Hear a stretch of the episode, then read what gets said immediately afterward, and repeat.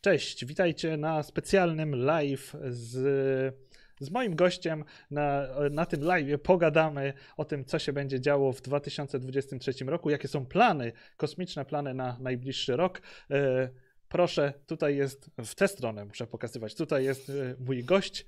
Przedstaw się gościu i powiedz, co będziemy robić. E, cześć, witajcie wszyscy bardzo serdecznie. Ja jestem Radek z kanału We Need More Space i my z Kubą nagrywamy co miesiąc takie podsumowania kosmicznych newsów. Nazywamy to, tą serię Space XYZ, czyli Space XYZ e, i zwykle te nasze live'y dzieją się właśnie na kanale We Need More Space. Mamy też e, to, co się dzieje na żywo, mm, wrzucamy jako podcast audio. Więc jeśli lubicie słuchać podcastów mm, na Spotify czy jakiejkolwiek innej aplikacji e, podcastowej, to zapraszamy bardzo serdecznie.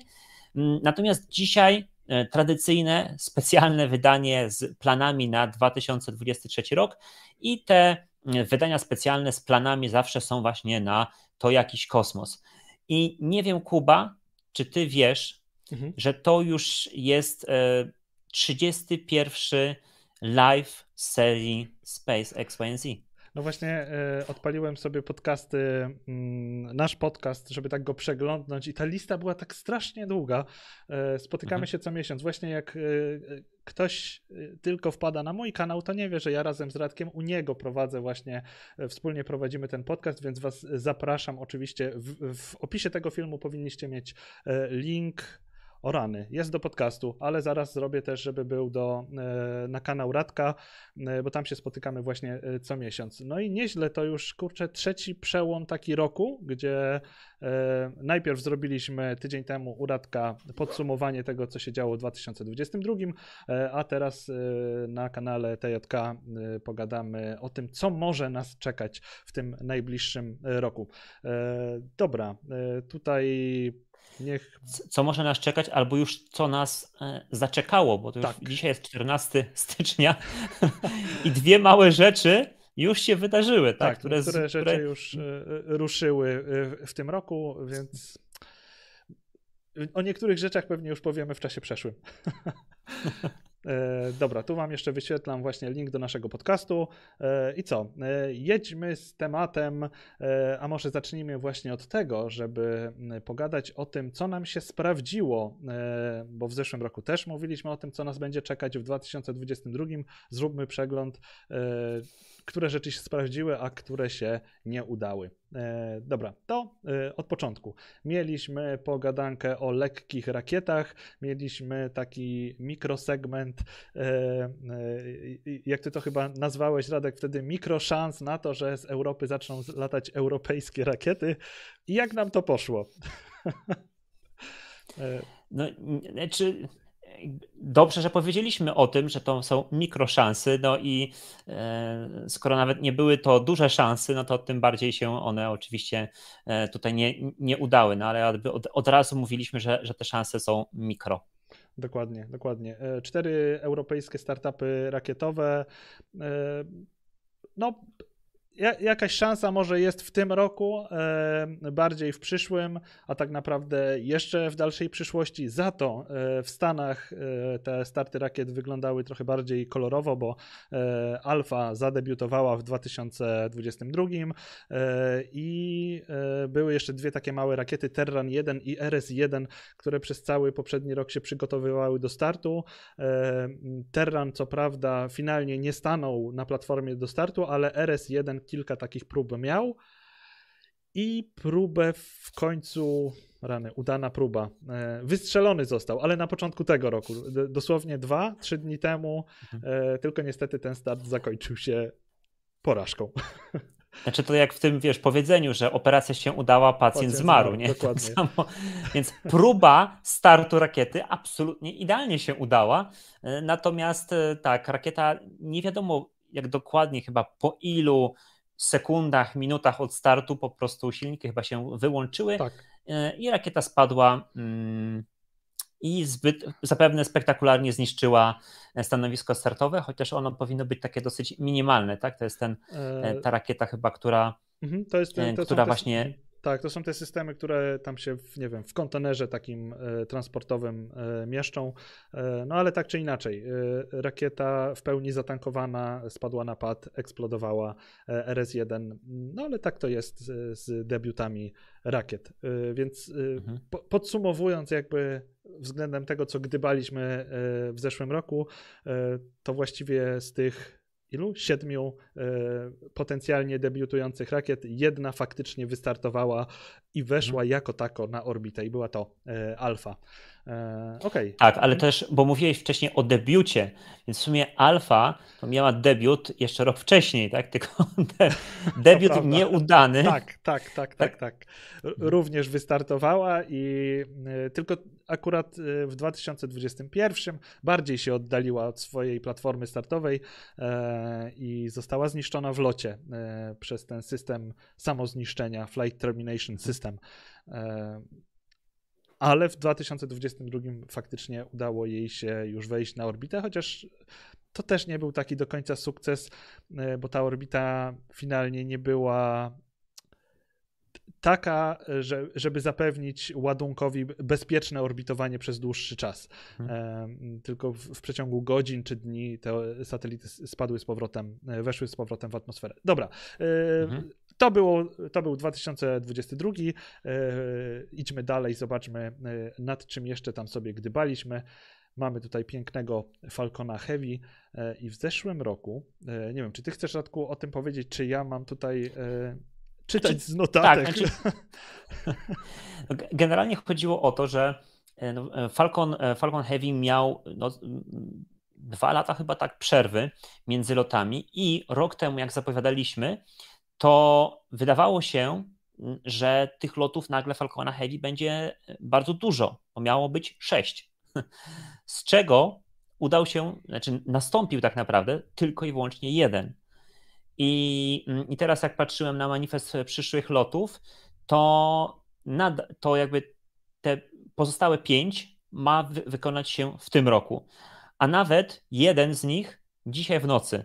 Jeśli dobrze przeliczałem strefy czasowe, a nie- wiem, bo już raz się pomyliłem na tym live'ie, to ma, e, to, to start może nastąpić nawet dzisiaj o północy. Tak? Jest Mhm. okienko startowe, chyba się zaczyna 5 minut przed północą, więc może dzisiaj po prostu w nocy e, Falcon e, e, 9, e, Falcon Heavy, przepraszam, poleci i oczywiście to jest em, kolejny satelita wojskowy mm, amerykańskich sił kosmicznych.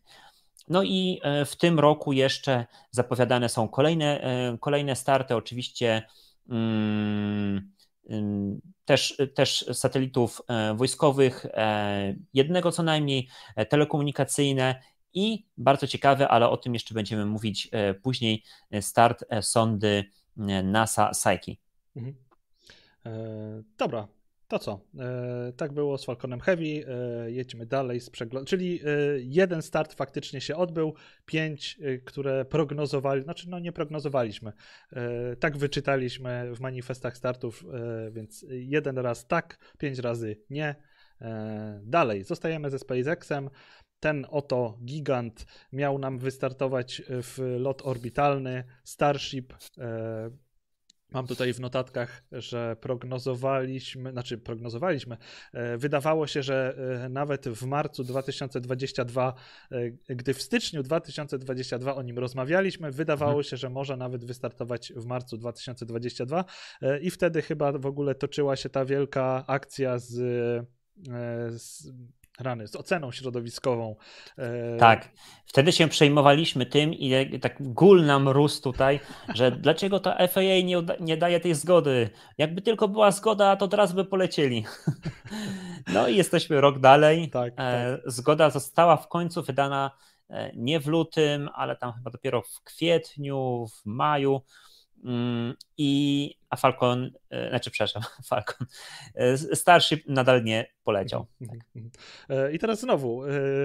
Aha, okej, będziemy o tym gadać potem. Więc z planów na zeszły rok Starship nam nie wystartował. Okej, kolejna rzecz, co mieliśmy na liście? Mieliśmy na liście mm, misję Artemis 1. E, Gdy w styczniu o niej rozmawialiśmy, to NASA twierdziła, że między marcem a kwietniem uda się ją wystrzelić. Nasz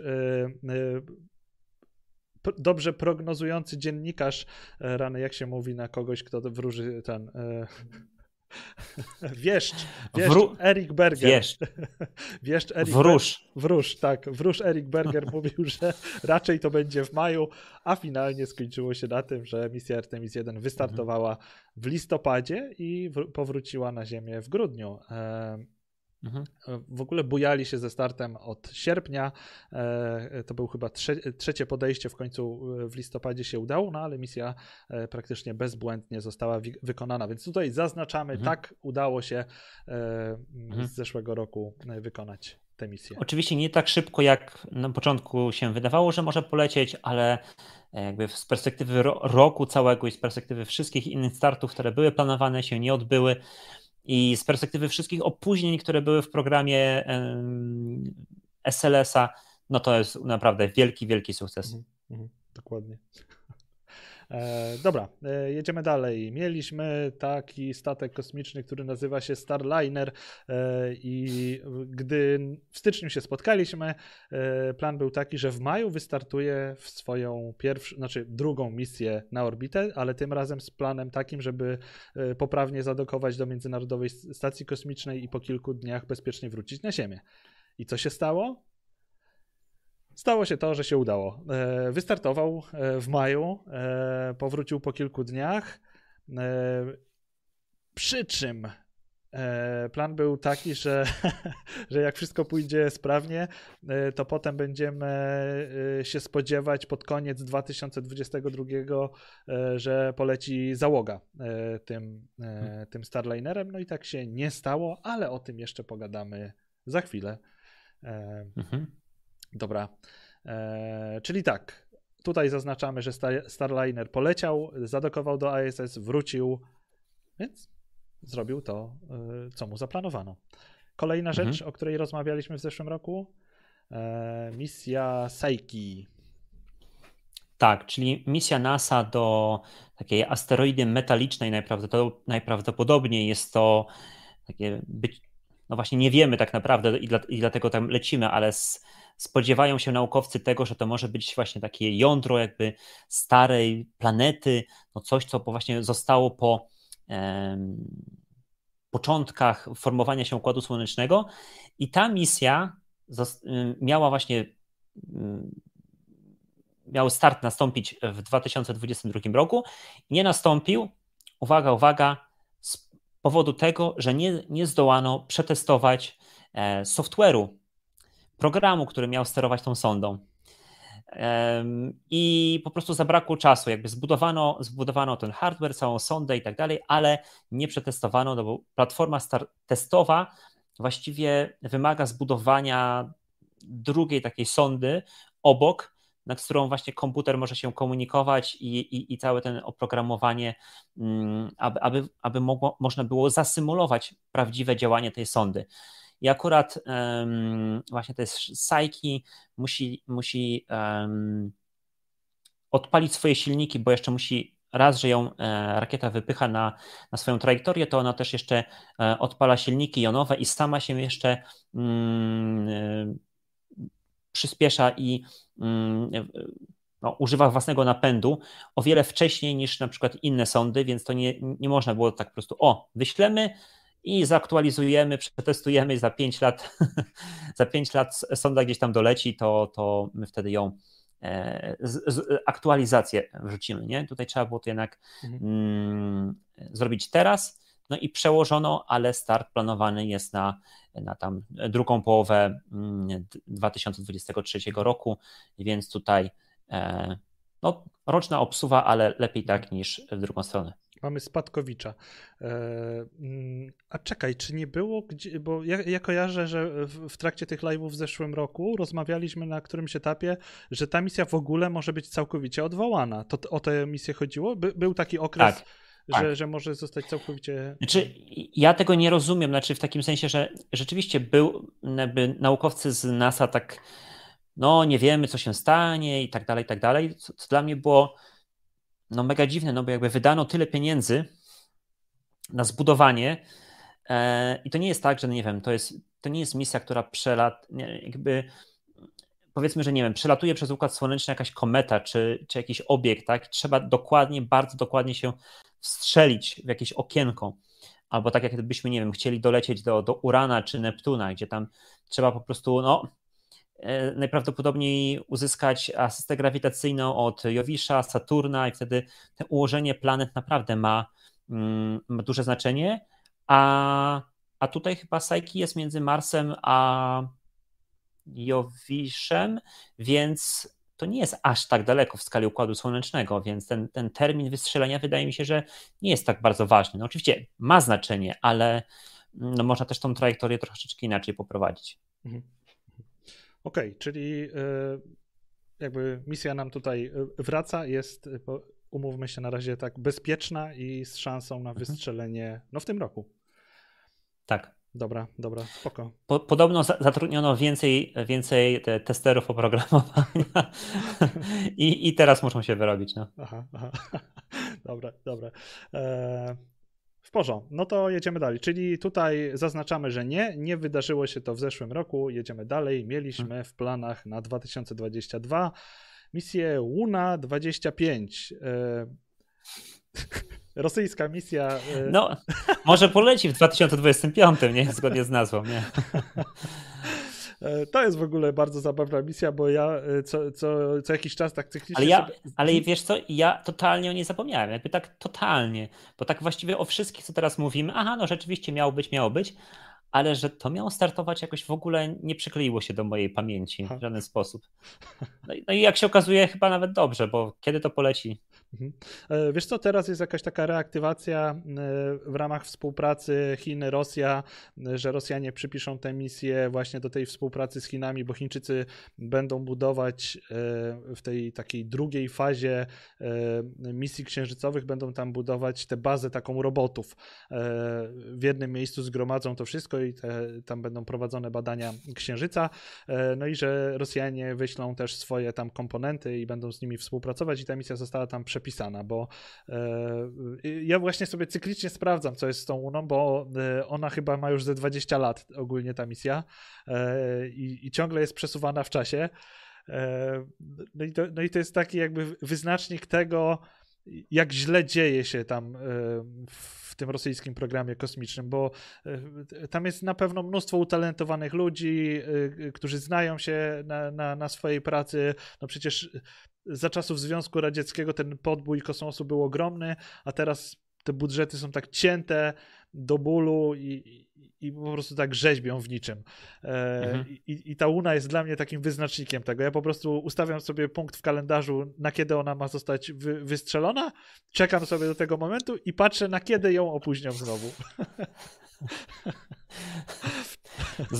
Kalendarz, e, masz taki specjalny kalendarz, który ma tak. taką nazwę, zawiedzione nadzieje tam po prostu. E, ale wiesz co, ja tutaj jestem mega pesymistą, bo wydaje mi się, że, bo, bo rozmawialiśmy o tym na poprzednim live, że Rosja ze względu na wojnę w Ukrainie, mm, no to, to raz, że ten, ten program kosmiczny będzie się staczał coraz bardziej, mm, dwa, priorytetem w wystrzeliwaniu będą, nie wiem, pewnie jakieś satelity wojskowe, szpiegowskie, obserwacji Ziemi, czy, czy jakieś tutaj inne satelity obserwujące inne satelity albo próbujące je przechwycić. I, ja się bardziej spodziewam, że nawet jeśli był tam kiedyś gdzieś tam ołówkiem na brudno zapisany jakiś sojusz, który miał, y, był przypisany właśnie do wyniesienia tej łuny, to on zostanie, mm, on zostanie wy, za, no, zagospodarowany.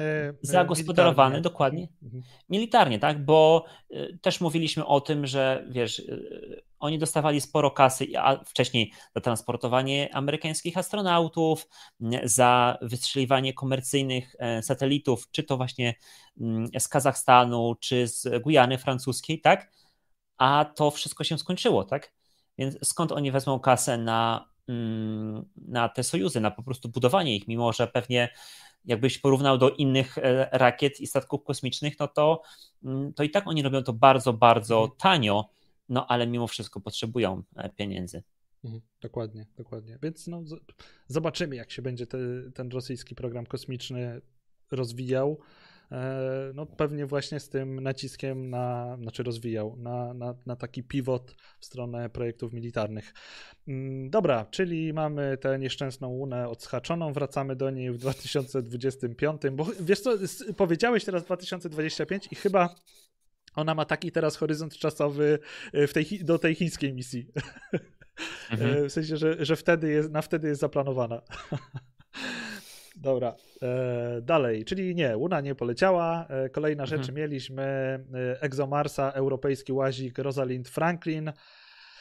No i on też oberwał tutaj właśnie z, z tego samego, znaczy mhm. może nie tyle z tego samego powodu co e, chiński, co rosyjski, tylko jakby te same rzeczy się wokół tego dzieją, bo e, e, kiedy to miało Tak, być? ale on akurat chyba miał lecieć protonem, nie? Jeśli dobrze tak, pamiętam. Tak, protonem. Miał lecieć protonem mhm, mhm. w lipcu 2022 i w, w, chwili, gdy robiliśmy tego naszego live'a, ten nasz live podcast z planami na 2022, no to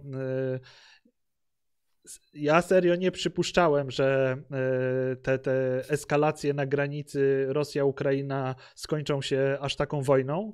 E, mhm. Więc żyliśmy wtedy w błogiej nieświadomości, e, ale przyszedł luty i te wszystkie współprace zostały pozrywane e, i niestety europejski łazik stracił lądownik, bo lądownik i rakieta nośna miały być dostarczone przez Rosjan. Mhm.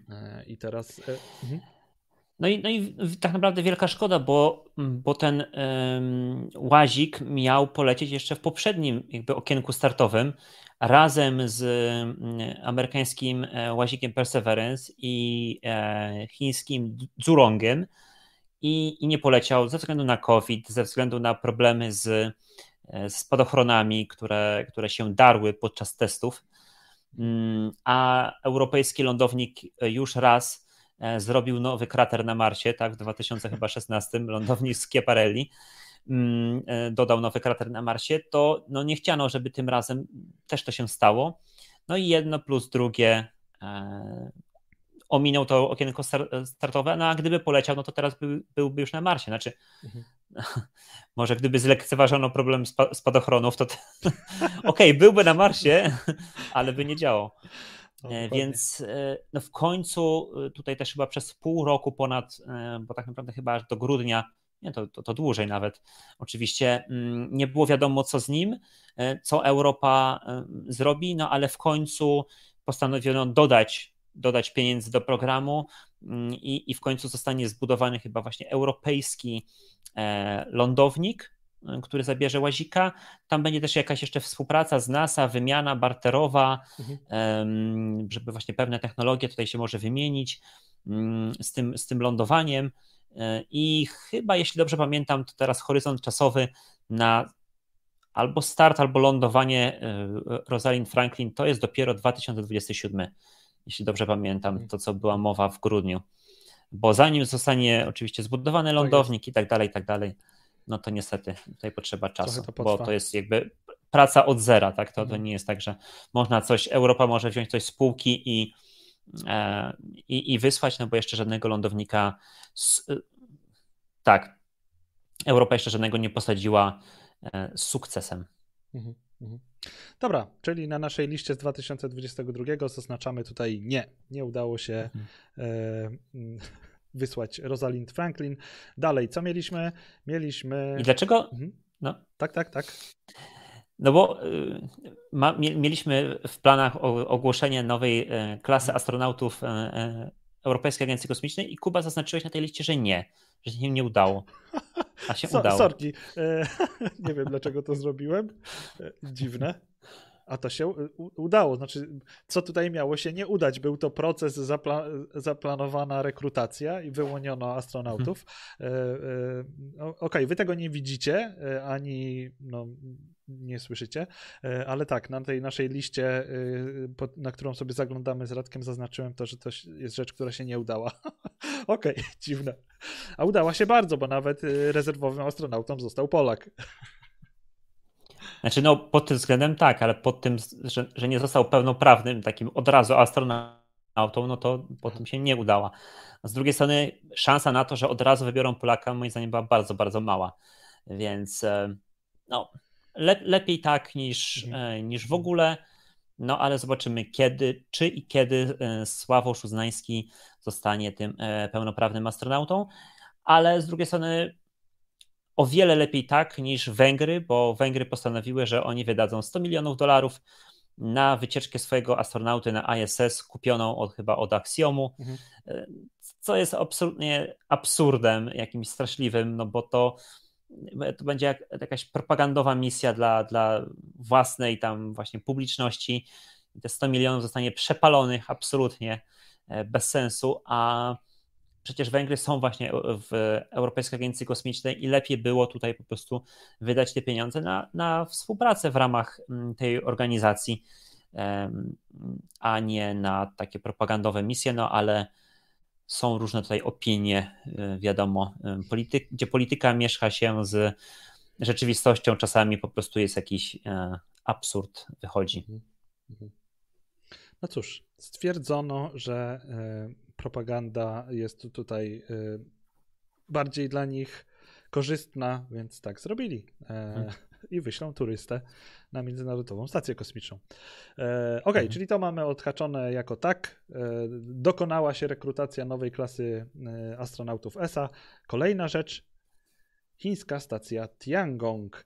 E, zapowiadano, że Chińczycy ją ukończą w 2022. W 2021 tak wystrzelono pierwszy moduł, a w, w zeszłym roku miały dołączyć dwa kolejne i pierwsza wersja stacji trzymodułowa, przy, trzymodułowa miała być ukończona. Ja w to tak średnio wierzyłem, bo to był taki dość napięty ten harmonogram ale jak się okazuje, zrobili to Chińczycy i w tym momencie mają już e, stację e, w tej pierwszej wersji gotową e, i działającą mhm. na orbicie. Więc tutaj odhaczamy, że tak, dokonała się ta rzecz, o której Chińczycy mówili, że zrobią. Tak, to było, to było też dla mnie zaskoczeniem, że bo zwykle te stacje kosmiczne, znaczy zwykle, no, nie mamy ich tak, przykładów aż tak dużo, ale jednak ok, w jednym roku jeden moduł, w drugim roku drugi moduł, a tutaj jednak po prostu w tym 2022 jakby naprawdę domknięto całość bardzo szybko, dwa moduły, e, te, te dwa z trzech główne moduły poleciały właśnie w tym roku i e, stacja teraz jest zamieszkała e, non-stop, czyli na orbicie Ziemi mamy w tej chwili dwie stacje kosmiczne z pełną załogą, czuwające nad nami, przyglądające się nam, prowadzące eksperymenty, więc to jest całkiem mhm. wow. No, no. E, I zobaczymy, jaki będzie dalszy los tej chińskiej stacji, bo mm, mhm. plan jest, znaczy, tak, plan jest taki, że ona ma pracować co najmniej 10 lat. E, jeżeli by to była za, zachodnia stacja, nie wiem, amerykańska, to pewnie by to już byśmy wiedzieli, że a, na pewno będą wydłużać ten czas. E, ale Chińczycy na razie są tacy konsekwentni w, w, swoich projektach, czy to księżycowych, marsjańskich, e, że gdy podają jakieś daty, to, to faktycznie się tego trzymają. E, więc kto wie, może za 10 lat faktycznie stwierdzą, dobra, stacja wykonała swoją pracę, pewnie po drodze jakieś nowe komponenty tam się trafią i, i może wyskoczą, wyskoczą z czymś nowym. Ale tak czy inaczej, w tym momencie mamy, no, może nie tak dużą jak ISS, ale e, sporą kolejną stację na orbicie okołoziemskiej. Mm. Oj, e, tutaj widzę chyba, że coś jest nie tak. Aha, nie, to ty napisałeś ten komentarz. Okej, sorry, e, mm, że nas coś zacina. No cóż. U mnie na wszystkich słupkach jest pokazane, że e, internet śmiga i wszystko jest ok. Więc dopóki nas nie wyrzuci, to jedźmy dalej. Tak jest. Dobra. E, Tiango, stacją Tiangong kończymy przegląd zeszłego roku, znaczy odhaczanie zeszłego roku. Zobaczmy, co nam przyniesie 2023, e, co się będzie działo w przyszłym roku w kosmosie. Zaczynamy od literki J Space J jak? Misja JUICE. Jowiszowa misja, e, spora misja Europejskiej Agencji Kosmicznej. E, jak to w końcu jest właśnie? To jest europejska misja przy współpracy z NASA, czy wielka misja NASA przy współpracy z Europejczykami? E, Nie, no to zdecydowanie to jest flagowa misja Europejskiej Agencji Kosmicznej. Mhm, mhm. Jedyną taką główną, znaczy zabawne jest to, może tak powiedzmy, że europejska misja do, do Jowisza mm, i w tym, w tym do jednego z księżyców, czyli do Europy, się nazywa JUICE. Natomiast amerykańska misja się nazywa, e, nazywa Europa Clipper, tak? Okej, okay, wiemy, to, to, to, nie jest to samo i tak dalej, ale jakby to, to się może tutaj troszeczkę czasami. Do, a, czasami, to dlatego e... mi się to cały czas miesza, bo to są dwie e, właśnie misje Jowiszowe. E, co tak. prawda, JUS jest tak najbardziej skierowany na te y, księżyce galileuszowe, y, tak. właściwie te tylko lodowe, czyli tam mamy Genimedesa, Europę i, y, Kalisto. Kalisto. IO mhm. się nie załapała, czyli nasze piekło układu słonecznego nie, nie będzie badane mhm. przy okazji tej misji. Ale tak, w przyszłym roku, w, w, przyszłym, Boże, przecież to jest ten rok, kwiecień 2023, ta misja ma wystartować na rakiecie Ariane 5 i troszkę sobie poczekamy, zanim dotrze do tego Jowisza, bo wejście na orbitę wokół Jowisza to jest lipiec 2031 za 8 lat. E, po drodze będzie sporo różnych takich asyst grawitacyjnych przy Ziemi mhm. E, i przy Wenus. E, no ale po starcie nam ten JUICE zniknie na ładnych parę lat z radaru. Mhm. Natomiast ciekawostka też jest taka, moim zdaniem warto o tym wspomnieć, że właśnie ta, ta misja Europa Clipper, ona będzie startowała Falconem Heavy, znaczy oryginalnie miała nawet startować SLS-em, no ale w końcu będzie startowała Falconem Heavy i no w tej chwili plan jest taki, żeby start był w e, październiku 2024, a na orbitę ma wejść niby w 2030. Czyli później wystartuje, mhm. a wcześniej doleci. Co znaczy mieć mocniejszą rakietę, nie? Dokładnie tak, dokładnie tak. Mhm. Więc tutaj po prostu no, e, e, Europa bardzo często robi rzeczy no po prostu taniej i no, używa własnej rakiety. W sumie, nie, w sumie kurczę, teraz o tym pomyślałem, że pewnie start Falcona Heavy będzie tańszy od startu Ariane. No. ale, ale no tak po prostu się e, po prostu się robi i właśnie też mm, Europa zawsze korzysta z tych wielkich paneli słonecznych, e, nie, nie korzysta z e, tego generatora termoelektrycznego mm, no po prostu, żeby było prościej, taniej i mm, no, no, ta, taki, taka jest po prostu polityka. Mhm. Natomiast no, najważniejsze, że poleci, e, że będzie badała bardzo właśnie ciekawe mm, światy lodowe, które potencjalnie e, mogą nawet mieć życie w środku, tak? bo to są właśnie e, lodowe księżyce, które w środku mają ciekłą wodę, więc naprawdę bardzo ciekawa misja i mm, też ciekawe jest to, że polskie instrumenty na pokładzie sondy JUICE e, będą. Tutaj też jest wizualizacja, możecie właśnie zobaczyć, jak ogromna jest to sonda. E, raz jeszcze jakby ona sama, ale właśnie też te, te panele słoneczne, dlatego że no po prostu będzie bardzo daleko od Słońca, więc potrzeba ogromnej powierzchni, aby tą energię zebrać. Mhm. E, właśnie, a propos rozmiarów tych sąd, e, to na zdjęciach człowiek sobie nie wyobraża, jaka jest skala tego wszystkiego. E, ja parę miesięcy temu miałem okazję być w Londynie w Muzeum Nauki. Rany, jak ono się mhm. nazywa? Pewnie Museum of Science. Science, Science, Science Museum. Science Museum. Mhm. I tam idąc pośród tych tysięcy eksponatów, to w ogóle jeden dzień tam to jest tak z językiem na brodzie, trzeba biec, żeby wszystko zobaczyć. E, można sobie to, nie wiem, na tydzień rozłożyć, żeby wszystko fajnie, e, wszystkiemu się przyjrzeć. E, I jest tam sonda Bepi Colombo chyba. Mhm. Ja najpierw myślałem, że to jest jakaś, znaczy oczywiście replika, bo nawet nie wiem, czy to jest jakiś taki prawdziwy egzemplarz laboratoryjny, ale chyba replika wyglądało to jak taki wielki, gruby filar. Ja w ogóle myślałem, że to jest jakieś, nie wiem, takie małe kino. W sensie, że jak obejdę to takie świecące coś dookoła, to tam będą drzwi i, będę, i tam się będzie jakiś film wyświetlał. Tak w tych różnych muzeach czasem jest, że stoi ci taka wielka budka e, gdzieś w wielkiej hali i tam z której strony jest wejście, tam jest ciemno i ci coś wyświetlają. Ja myślałem najpierw, że to jest coś Jasne. takiego. To jest tak ogromne, a myślę, że ten juice po rozłożeniu jeszcze tych paneli to w ogóle. Y, zaczynam się przekonywać powoli do tego amerykańskiego porównania. Oni wszystko muszą mierzyć y, w stadionach futbolowych. Y, I, i, i, czymś tam jeszcze, no nie? W sensie wszystko poza skalą mhm. metryczną, ale tak, to jest mhm. jakby mierzenie autobusami i wielorybami jak najbardziej. Mhm.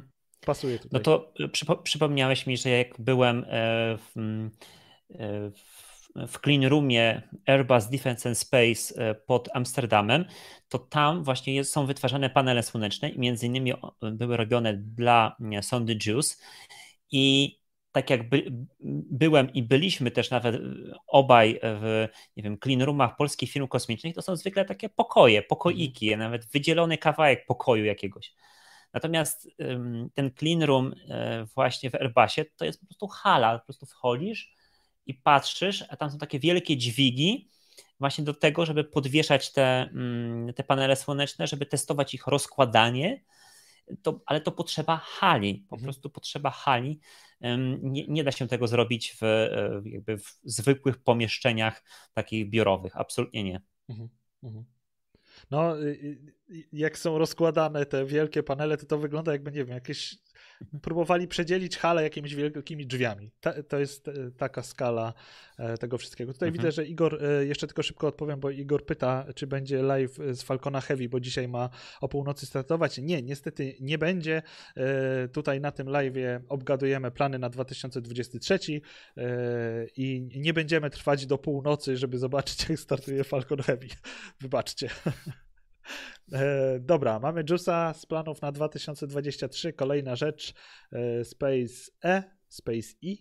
e cóż tu tutaj nam się takiego ładnego wyświetla, Radku? No to jest kolejna europejska sonda, sonda Euclid, która ma też właśnie polecieć w tym roku w kosmos w trzecim kwartale 2023. I to jest e, kosmiczny teleskop, który będzie działał w bliskiej podczerwieni i jego zadaniem jest e, badanie e, ciemnej energii, ciemnej materii, a, także mierzenie, bardzo precyzyjne mierzenie tego, jak rozszerza się wszechświat. Ta, ten teleskop miał oczywiście oryginalnie był planowany, że albo może polecieć Ariane 5, albo albo Sojuzem. E, nawet chyba Ariane 6 też był przy, przygotowywany do tego teoretycznie, bo to wiadomo, przecież taki teleskop był e, planowany i budowany od, od, od, wielu lat. No ale Ariane 6 jeszcze nie ma, o tym jeszcze pewnie będziemy mówić. Sojuzy już nie latają z Gujany francuskiej ze względu na wojnę w Ukrainie, więc mm, Euclid poleci, no czym mógłby polecieć innym? Falconem 9. O, Falconem 9. Już przez moment mhm. myślałem, że to będzie e, Falcon Heavy. Dobra, Falconem 9. Mhm. Jak bieda teraz, to wszyscy do SpaceXa. E, ej, tak to, to fajnie, e, ten, znaczy fajnie, w sensie bardzo pozytywnie jestem zaskoczony tym newsem, bo ty go widzę, wrzuciłeś tutaj pod sam koniec. Nie wiedziałem o tym, że ta misja będzie startować. Kolejna europejska, bo mam takie wrażenie, że w zeszłym roku te projekty europejskie zebrały straszne bęcki E, takim rykoszetem e, przez zerwanie współpracy z Rosją, e, a tutaj dwie takie konkretne naukowe misje wyruszą w tym roku w kosmos. Fajnie, fajnie, mhm. bardzo dobrze. Bardzo mnie to tak. cieszy. Dobra, to co? Jedziemy dalej. Space S, mhm. a jak Space S, to pewnie wszyscy wiedzą o co chodzi. Starship i SpaceX. E, tak, no, mamy spadkowicza. Mam, mamy spadkowicza, czy ten spadochroniarza z poprzedniego roku. No, na, na tym live podsumowującym 2022 e, rok, no to e, brak startu Falcona, e, Falcona, co ja, co ja mylę te rakiety od SpaceXa, brak startu Starshipa, no to było dla mnie rozczarowanie roku, naprawdę tutaj bardzo, bardzo się zdziwiłem, okej, okay, nie spodziewałem się, że może on poleci w, w pierwszym kwartale 22, ale do końca roku myślałem, że jednak ta próba nastąpi. Nie nastąpiła. No i tutaj już mm, poza ekranem śmieliśmy się z Kubą z tego, że tak, Elon mówi, że już, już, zaraz, zaraz tam e, luty, marzec i aha, tak aha. dalej, ale to raczej, ale to raczej też nie nastąpi. Natomiast no, myślę, że, że nigdy nie mów nigdy, ale, ale myślę, że, że jednak w tym 2023 mhm.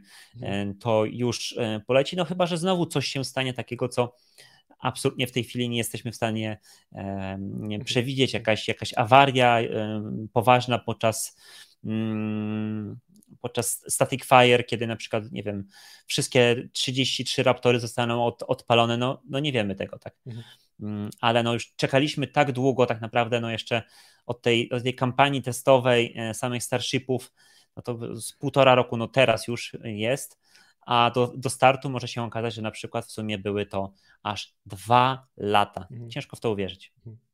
No ale wydaje się, że technicznie są naprawdę już blisko wystrzelenia, bo e, teraz, gdy rozmawiamy, e, to Starship jest e, zestakowany, jak to ładnie mawiają Amerykanie, czyli złożony pierwszy, drugi stopień na stanowisku orbitalnym. Co prawda do testów to jest nadal, ale już tych takich testów bezpośrednio przed lotem orbitalnym, testowym lotem orbitalnym. Tylko tak jak mówisz, no pod warunkiem, że nie wydarzy się znowu coś e, takiego niespodziewanego. Ilon oczywiście właśnie mówi, że o, luty już tam y, będą lecieć na orbitę, ale wiadomo jak to jest z Elonem, on jest takim mega optymistą, jeżeli chodzi o te terminy. Y, FAA jeszcze nie dało licencji SpaceXowi na start Starshipa. Y, Elon to jest taki ten, wiesz, była, była taka książka chyba, Zaklinacz koni, czy, czy, czy tak, Film był też chyba z Robertem Redfordem, nie wiem, tutaj Elon to jest taki zaklinacz czasu. Tak, po prostu roztacza wizję i, i, i mówi swoim inżynierom, tak, polecimy w lutym. Nie, rok później. Jest kolejny luty i Elon mówi to samo.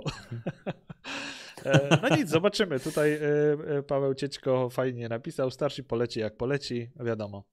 Trzymamy się tej maksymy. I zobaczymy. Dobra, kolejna rzecz na S.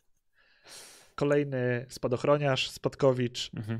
Chociaż nie, to już może nie tak bardzo. Starliner. Znaczy, zależy, zależy jak liczysz, no bo Właśnie. jeśli chodzi o jakby sam start, nie, ale teraz pierwszy raz załogową ma mhm, polecieć. Mhm, mhm. Więc to się nie dokonało i ja to już, jak, jak mówiliśmy wcześniej o Starlinerze, to ugryzłem się w język, no bo okej, okay, znaczy absolutnie super, to, to to ja też byłem w szoku, że w sumie jak już miał polecieć w tym maju 2022, to poleciał. Wszystko generalnie się udało. Super, jakby naprawdę teraz trzymam kciuki, żeby też po prostu się w tym roku dał ten test e, załogowy.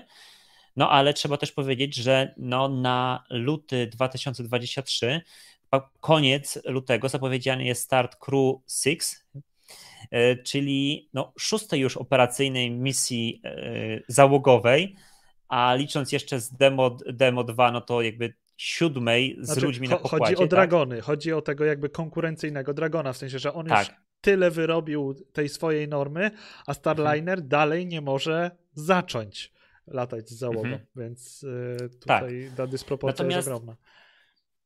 Tak, natomiast mówiliśmy też podczas tych naszych comiesięcznych live'ów o tym, że ym, okej, okay, jakby Starliner już dawno przegrał jakby ten, ten wyścig z, z Falcon, znaczy ze, z Dragonem i tak naprawdę chyba teraz to on już się, tak, że tak powiem, nie ściga, nie? To tak jak, nie wiem, czasami na boisku czy, czy, czy w szkole, pamiętacie, że tak jak, jak się nie wygrało, a dobra, to już dobiegnę, który dobiegnę, tam już nie, niech tam będzie, nie? Po prostu, byle, byle dojść do, do końca, doczłapać. Ej, yy, Więc ja, ja, myślę, że oni jak to jest? Jest e, mecz otwarcia, e, mecz o wszystko i, i w tym momencie Starliner, Starliner gra mecz o honor, żeby po prostu... Natomiast, mhm. natomiast dla NASA myślę, że i tak ten Starliner będzie bardzo ważnym nabytkiem, dlatego że na przykład w poprzednim roku Falcon 9 mm, startował aż 60 razy. Tak? Im częściej startuje, tym jest większe prawdopodobieństwo, że coś się wydarzy. Tak? A gdyby na przykład nastąpiła jakaś anomalia podczas lotu Falcona 9, mm, to nawet jeśli to, że mm, Dragon, z Dragonem będzie absolutnie wszystko ok, to i tak na przykład cała flota Falconów może zostać uziemiona. No nie mhm. wiadomo ile. Poprzednie katastrofy uziemiały Falcony na pół roku na przykład. E, a okej, okay, no teoretycznie SpaceX może sobie nadal strzelać Starlinkami, ale NASA będzie chciała naprawdę mieć bardzo mocne mm, e, śledztwo, co się stało z tą rakietą. No i wtedy jest problem. Z Rosjanami już nie polecą, nie wyślą dodatkowej załogi, mm, więc tutaj nie tylko sam Starliner, ale, ale nawet to, że po prostu używa się innej rakiety, ma, ma znaczenie, więc e, myślę, że tutaj NASA bardzo się ucieszy, mhm. że w końcu, e, miejmy nadzieję, bez e, żadnych kłopotów ten Starliner poleci, doleci i te swoje sześć zakontraktowanych lotów wyrobi. Mhm. To prawda, to prawda. Z takiego punktu widzenia bezpieczeństwa na ISS ważne, żeby zaczął operować, bo nawet teraz mamy te akcje z Sojuzem, z którego wyciekło chłodziwo i jest problem, jak jakby jak sprowadzić tę załogę na Ziemię. Tam już oczywiście to zostało zaplanowane, że poje, poleci nowy sojusz, ale nadal mamy miesiąc, gdzie załoga jest na ISS, a ich szalupa ratunkowa jest nie wiadomo, sprawna, niesprawna, e, więc jest problem. A im więcej mamy tych załogowych hmm. statków kosmicznych, no to jest alternatywa. No w tym momencie Sojuza właśnie e, w takim najczarniejszym scenariuszu wspiera Dragon, e, no ale dobrze by było, żeby był jeszcze Starliner, no to wtedy jesteśmy zabezpieczeni z wielu stron. Dobra, czyli mhm. mamy tutaj e, załogowy debiut, znaczy tak, no debiut, załogowy debiut Starlinera e, zaplanowany obecnie na kwiecień 2023. E, misja potrwałaby tylko kilka dni, więc widać, że tutaj NASA też ich entuzjazm tak ostygł, bo pierwotnie plan był taki, że jak się powiedzie ta misja bezzałogowa Starlinera w zeszłym roku, to załoga, pierwsza załoga Starlinerem poleci na 2 do 4 miesięcy do ISS, ale teraz chyba NASA chce no, jakby potraktować tę misję załogową jeszcze raz tak bardzo, bardzo testowo. E, mhm. E, więc to będzie taki krótki wypad e, do ISS. Taki jest plan. Dobra, jedźmy dalej. Mhm. Dalej mamy literkę D. D jak Dream Chaser. musiałem sobie rzucić okiem, bo już mi się te nazwy mieszają. I tutaj też. D jak dwa hadłowiec. dwa hadłowiec. Bardzo fajna misja, niestety też opóźniona, znaczy projekt e, statku kosmicznego też lata już e, po terminie. Mhm. E, no i, i, to jest nasz spadkowicz. Miał... Czy... Znaczy tutaj, jak już o tym wspomniałeś, to chyba trzeba teraz powiedzieć jakby większą, calszą historię, tak? Czyli ok, plan na, na, na start tego bezzałogowego, dodajmy, Dream Chasera, był właśnie na 2022 rok. Mm, I tutaj, ale tutaj na przykład pokazujesz na, na, na, grafice, że to jest render, ale tego załogowego. Tak, zauważyłem. Który ma, który ma polecieć według planów i zapowiedzi właśnie e, Sierra Space, tak? Chyba tak, oni się teraz nazywają. Mhm. To, co się nazywało kiedyś Sierra Nevada. Sierra Nevada Corporation chyba, tak? E, mhm, teraz tak. Sierra Space.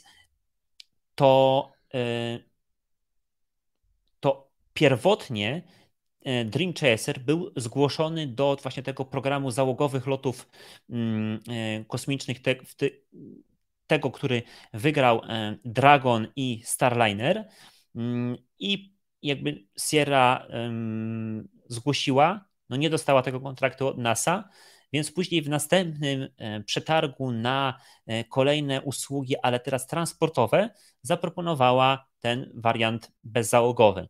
Natomiast nadal ten, ten projekt tego załogowego jest jakby w toku, no, no mogą go zrobić. No i teraz pomysł jest na to taki, żeby latał do prywatnej stacji kosmicznej. Tak? Mhm. Więc, ale to ten 2026 myślę, że to o, to już jest tak też w duży nawias trzeba to włożyć, bo to jest takie zapowiedzi, że oni by chcieli, ale to tak naprawdę nie wiadomo czy i kiedy. Natomiast ten mm, bezzałogowy no jest, jest w ramach kontraktu z NASA, więc pieniądze idą. Dream Chaser jest właśnie e, budowany. Mm, no a tak naprawdę, czy on w tym roku poleci, to moim zdaniem największym znakiem zapytania nie jest właśnie sam Dream Chaser, e, tylko silniki e, od Blue Origin, które muszą zostać dostarczone do ULA, ULA, ULA, ULA do rakiety Vulcan, bo Dream Chaser miał lecieć drugim lotem Vulcana. I ten pierwszy najprawdopodobniej nastąpi no, pierwszym, drugim kwartale tego roku, ale czy Blue Origin będzie w stanie wyprodukować następne egzemplarze lotne e, swoich silników BE4? Nie wiemy. Dokładnie, dokładnie, bo pierwszy wulkan, e, czyli taka nowa rakieta, która ma nam już debiutować od też dwóch, trzech lat, a prawdopodobnie wystartuje już teraz w 2023, bo faktycznie wszystkie komponenty są gotowe, ale do tego pierwszego lotu, dokładnie tak jak mówisz. A Dream Chaser ma zostać wyniesiony drugim egzemplarzem rakiety i pytanie, czy te silniki e, kolejne będą gotowe, bo, bo tam rzeczywiście są e, spore opóźnienia. No, zobaczymy, zobaczymy, ale można by się rozgadywać, w sensie zaczęliśmy o Dream Chaserze, schodzimy na wulkana, schodzimy na silniki, po prostu przychodźcie na nasze podcasty na kanale We Need More Space co miesiąc, bo tego nie da się ogarnąć podczas jednej takiej posiadówy, mhm. tylko musimy co miesiąc po prostu wałkować te rzeczy. Tak, tak, tak. No i w tamtym na przykład roku 2022, jeśli jeszcze nie widzieliście tych, e, tych, tych live'ów, na przykład zrobiliśmy też mieliśmy taki go, gościnny występ na konferencji we Wrocławiu i tam mówiliśmy o takiej dalekiej przyszłości. I nie tak dawno pojawił się komentarz, że za mało konkretów. Dlaczego tak mało konkretów o tych wszystkich misjach? No tak, ale mieliśmy ile, ile na, na, na te gadanie? Chyba godzinę podczas tej aha, konferencji, aha, co i tak było dużo w ramach takiej, takiej konferencji, a żebyśmy porozmawiali z, ze szczegółami, to potrzebowalibyśmy, nie wiem, czterech czy pięciu. Dokładnie. Zresztą Więc... tam sobie e, wybraliśmy horyzont czasowy taki, wiesz, dziesięcioletni w przyszłość, a zwykle na live'ach mówimy, co się działo jakby w przeciągu ostatniego miesiąca, a i tak dwie godziny leci. Tak.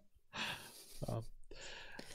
To co? E, no dobrze. Mamy e, Dream. Czyli Sierra y, nadal ściga sny o, o wahadłowcach y, i trzymamy kciuki, żeby się, żeby się udały, powiodły.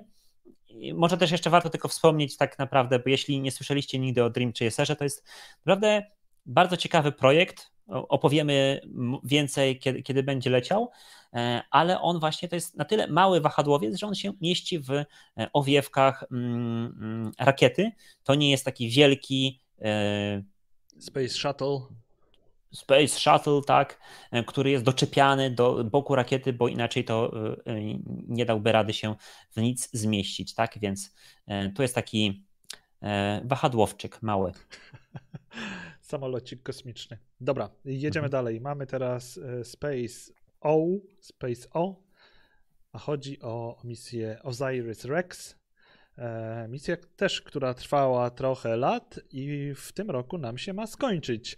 E, sample, tak zwany sample return, czyli e, misja, która miała pobrać gdzieś w kosmosie próbkę czegoś i wrócić z tym z powrotem, sprowadzić to na Ziemię. W tym przypadku chodziło o pobranie próbki z asteroidy, z pasa planetoid bliskich Ziemi.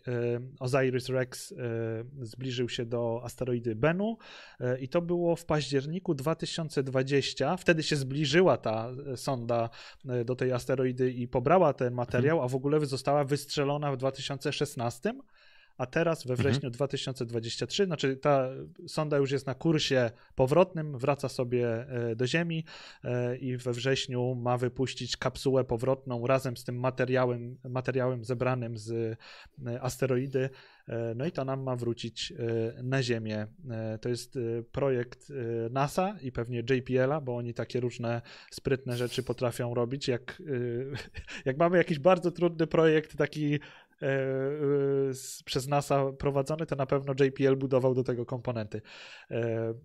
Mhm. Więc ta misja kończy się w 2023, ale nie jest pierwszym takim podejściem do zbierania czegoś z asteroidy, bo dwa lata temu ekscytowaliśmy się powrotem japońskiej Hayabusa 2 E, tak się chyba nazywa, tak? Dobrze to czytam? Chyba tak. Japońska misja, tak, tak, tak. która mhm. też do, do, do, tej samej grupy e, asteroid poleciała, tylko ona wystartowała e, dwa lata wcześniej, no i dwa lata wcześniej wróciła i ten zasobnik finalnie wylądował w grudniu 2020 w Australii i tam został mhm.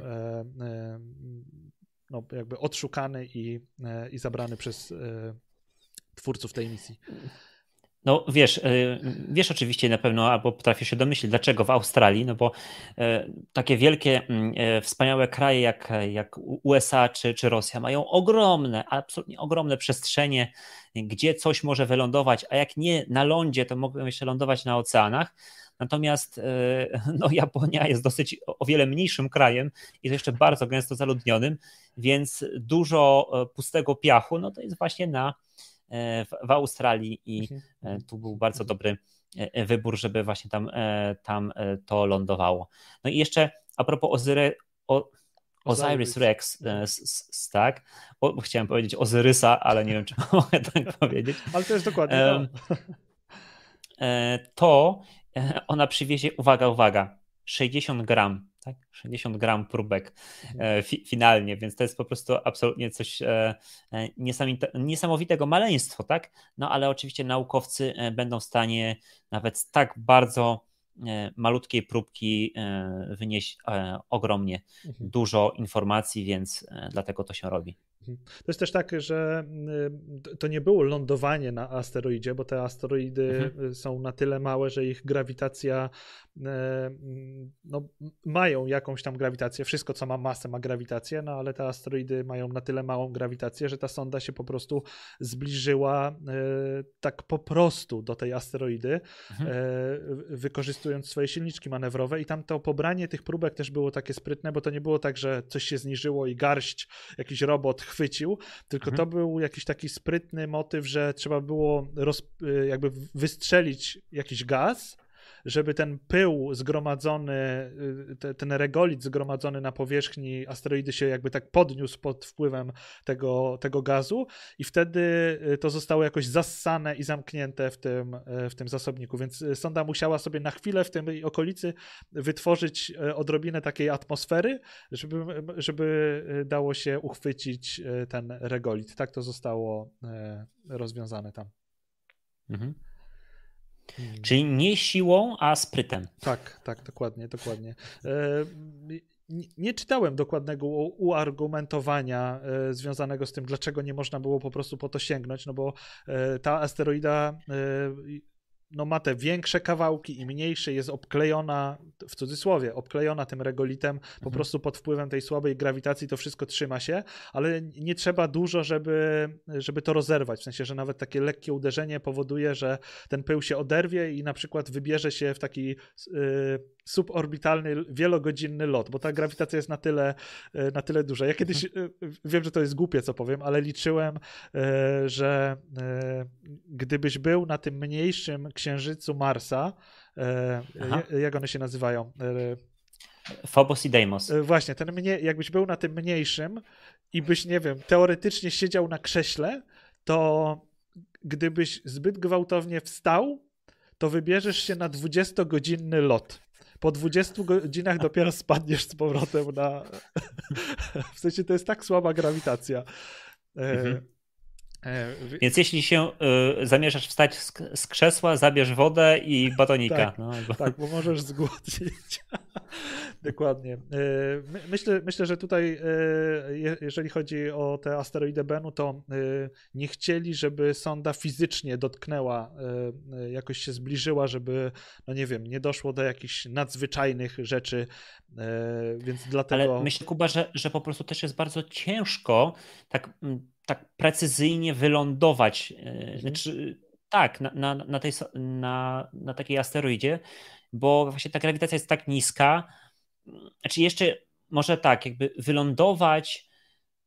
No, no, to jest prostsze, tak, ale właśnie wylądować tak i później jeszcze pobrać i wystartować, jakby to jest bardzo skomplikowane, a mhm. to nie jest tak, że można tym jakby sterować z ziemi, tak? To, tak, to musi mm, to, automat to, zrobić. Y, można tak. wysłać takie polecenia na zasadzie, że plan jest taki i przesłać, wgrać to do, do komputera, a potem on musi zrobić mhm. wszystko sam. Zresztą e, sonda Rosetta, e, ta europejska, miała lądować na asteroidzie e, i no niestety się odbiła. Mm, znaczy finalnie wylądowała, bo miała wylądować, jakoś chyba zakotwić, ale podczas tego pierwszego dotknięcia odbiła się i podczas kolejnego jakby upadku trafiła w jakieś tak zacienione miejsce, że no nie mogła się ładować e, potem ze słońca e, i chociaż fizycznie udało się wylądować, to misja no nie była takim sukcesem, e, jakiego się spodziewano. Mhm. Mm. Dokładnie tak. Dobra, to co? Dalej? Czy jeszcze o. Idziemy dalej? Jedziemy, dobra. Mamy literkę. Nie, ja, ja chciałem tylko Aha. E, komentarz e, do, do poprzedniego tutaj fajnie napisał e, Paweł Szypiło na, na czacie, że Sierra ściga sny, a inwestorzy Sierra, tak? Chodzi o tego Dream Chasera, że znaczy piękna jest nazwa, tak? To nie jest jakiś tam kolejny mity... postać z mitologii albo jakiś tam właśnie nie wiem, ptak czy inny drapieżnik, tylko właśnie właśnie ścigacz snów, tak e, nazwijmy to. Tak. No ale tak. E, e, tu sny trzeba ścigać mając pieniądze, więc tak, tak to właśnie jest. No, tak no i jest. dowiedzieliśmy się też, że właśnie start Falcona Heavy został przełożony o, o 24 godziny, więc dzisiaj możemy się wyspać. To czekaj, to jeszcze wyświetlę, bo mogę wyświetlić te komentarze. Tak, tak, że Falcon dzisiaj ma scrap i będzie jutro. Mhm. Jeżeli y, ktoś nie kojarzy, czym jest Scrap na tym kanale, to jest to y, skreślenie misji z obecnego startu i przełożenie na jakiś kolejny termin. myślałem, myślałem, że powiesz, myślałem, że powiesz, że skreślenie z listy subskrybentów i, i blokada. Właśnie, kto nie wie, unsub, y, taki z automatu. E, ban. Ban, tak. Permanentny, shadow ban. Dobrze, lecimy dalej. E, literka M, jak Moon, Księżyc. E, I tu też mamy trochę e, spadkowiczów z ubiegłego roku. Misje księżycowe, które miały się wydarzyć w zeszłym roku w ramach taki. To jest taki trochę przylepiony do programu Artemis mniejszy program Commercial Lunar Payload Services. Chodzi o to, mhm. żeby firmy prywatne stworzyły swoje lądowniki księżycowe, takie towarowe, niewielkie, i potem, na, znaczy NASA dużo płaci na to, żeby te firmy zbudowały to, osiągnęły zdolność wysyłania czegoś na księżyc, a potem NASA jakby odsuwa się, mówi: Dobra, wy macie tę zdolność, my sobie będziemy u was kupować e, lądowanie eksperymentów na księżycu jako usługę, a wy też sobie szukajcie swoich klientów na całym świecie, e, żeby mm, te lądowniki na siebie zarabiały, żeby już NASA nie musiała więcej dokładać do tego e, interesu. I dwa takie pierwsze lądowniki e, tutaj na tym zdjęciu, jak nas oglądacie, a nie słuchacie tylko podcastu, no to po lewej stronie mamy lądownik Peregrine i w środku mamy Nova Sea. E, te lądowniki miały już wystartować w zeszłym roku, ale no jednak e, jest to chyba na tyle trudne zagadnienie zbudować coś mhm. takiego, nawet mały lądownik księżycowy, że spadło nam to na ten rok. Ale też musimy powiedzieć, że te, te, te lądowniki księżycowe budowane są przez bardzo małe firmy. Mm, często to jest jakby ich pierwszy tak naprawdę sprzęt, które one budują po to, mhm. żeby poleciały w kosmos, więc no, przez to też są te problemy, tak? Natomiast e, tutaj, mm, no jeśli chodzi o ten lądownik e, Peregrine od Astrobotic, to w sumie to jest też opóźnienie powiązane z, z debiutem Vulkana, tak? E, Właśnie. Rakieta Vulkan um, potrzebuje silników od Blue Origin, a te silniki powstają w bólach i testują się w bólach, mm, więc y, to też jest powiązane, chociaż myślę, że ja już teraz dokładnie nie pamiętam, bo wydaje mi się, że na, na w przeciągu całego ostatniego roku to było tak, że raz się mówiło, a to wulkan nie zdąży, a później mi mówią, nie, nie, e, wulkan zdąży, ale może nawet polecieć bez tego lądownika księżycowego, bo to właśnie Astrobotic z nim nie zdąży e, mhm. go zbudować, więc tak naprawdę to może tutaj w paraleli to się, to się dzieje. Znaczy, ja odnoszę cały czas takie wrażenie, czytając te newsy na Twitterze odnośnie i Wulkana, i właśnie tych misji, czy to Dream Chasera, czy tych lądowników księżycowych, że jeżeli chodzi o to, kto tutaj jest, bo, bo jakby każdy ma opóźnienie, E, ale najlepiej zrzucić na tego, który ma największe. I ja myślę, że, e, że e, ten lądownik Peregrine, że oni najdłużej się z tym bujali, bo jeszcze parę tygodni temu jak się zdjęcia, które publikowali się chwalili, o, ogromne postępy, ale patrzysz, a to jest rozgrzebane gdzieś tam w jakiejś clean roomie i, i nieposkładane w całość, no nie? A oni za chwilę chcą lecieć w kosmos. Więc Aha. wydaje mi się, że oni tutaj byli tym takim największym opóźniaczem hamulcowym. E, ale te pozostałe projekty mają, mają swoje rzeczy też e, na głowie. E, mhm. Tak. E, no i e, tutaj też na tej grafice, na grafice mamy trzeci lądownik e, po prawej stronie, pierwotnie od firmy Masten Space, lądownik XL1, który potem się zakwalifikował do tego programu i też jest, miał być zapisany na 2000, on już nie był opóźniony, on już miał mieć 2023 rok, tylko po drodze Mastenowi się upadło, firma no, w sensie zbankrutowało, tak? zbankrutowało tak? tak? Zbankrutowała ta firma i została, uwaga, wykupiona przez Astrobotica, czyli tę firmę, która buduje ten lądownik po lewej stronie, więc y, mhm. teraz mają dwa lądowniki y, i dwa kontrakty od NASA, żeby te lądowniki wysłać. Mhm. I jeszcze chciałem dodać jedną rzecz, bo ty tutaj wspomniałeś, że e, no, to taki mały program przy e, jakby podczepiony pod e, wielki program Artemis, ten właśnie Commercial Lunar Payload Services, ale myślę, że on ma jakby naprawdę ogromny, absolutnie ogromny potencjał, aby zmienić um, i biznes troszeczkę kosmiczny, a no i ma może za te 10 lat będziemy wspominać, zrobimy podsumowanie dekady i wtedy będziemy wspominać o tym, że właśnie to, to był taki zalążek ekonomii wokół Księżyca, tak? mhm. bo na przykład teraz to już y, te, y, absolutnie o tym nie wspominamy na tych, na tych naszych live'ach, ale y, jeśli teraz na przykład prywatna firma kosmiczna, po prostu prywatna firma chce wysłać satelitę na, na orbitę telekomunikacyjnego, obserwacji Ziemi jakiegoś tam,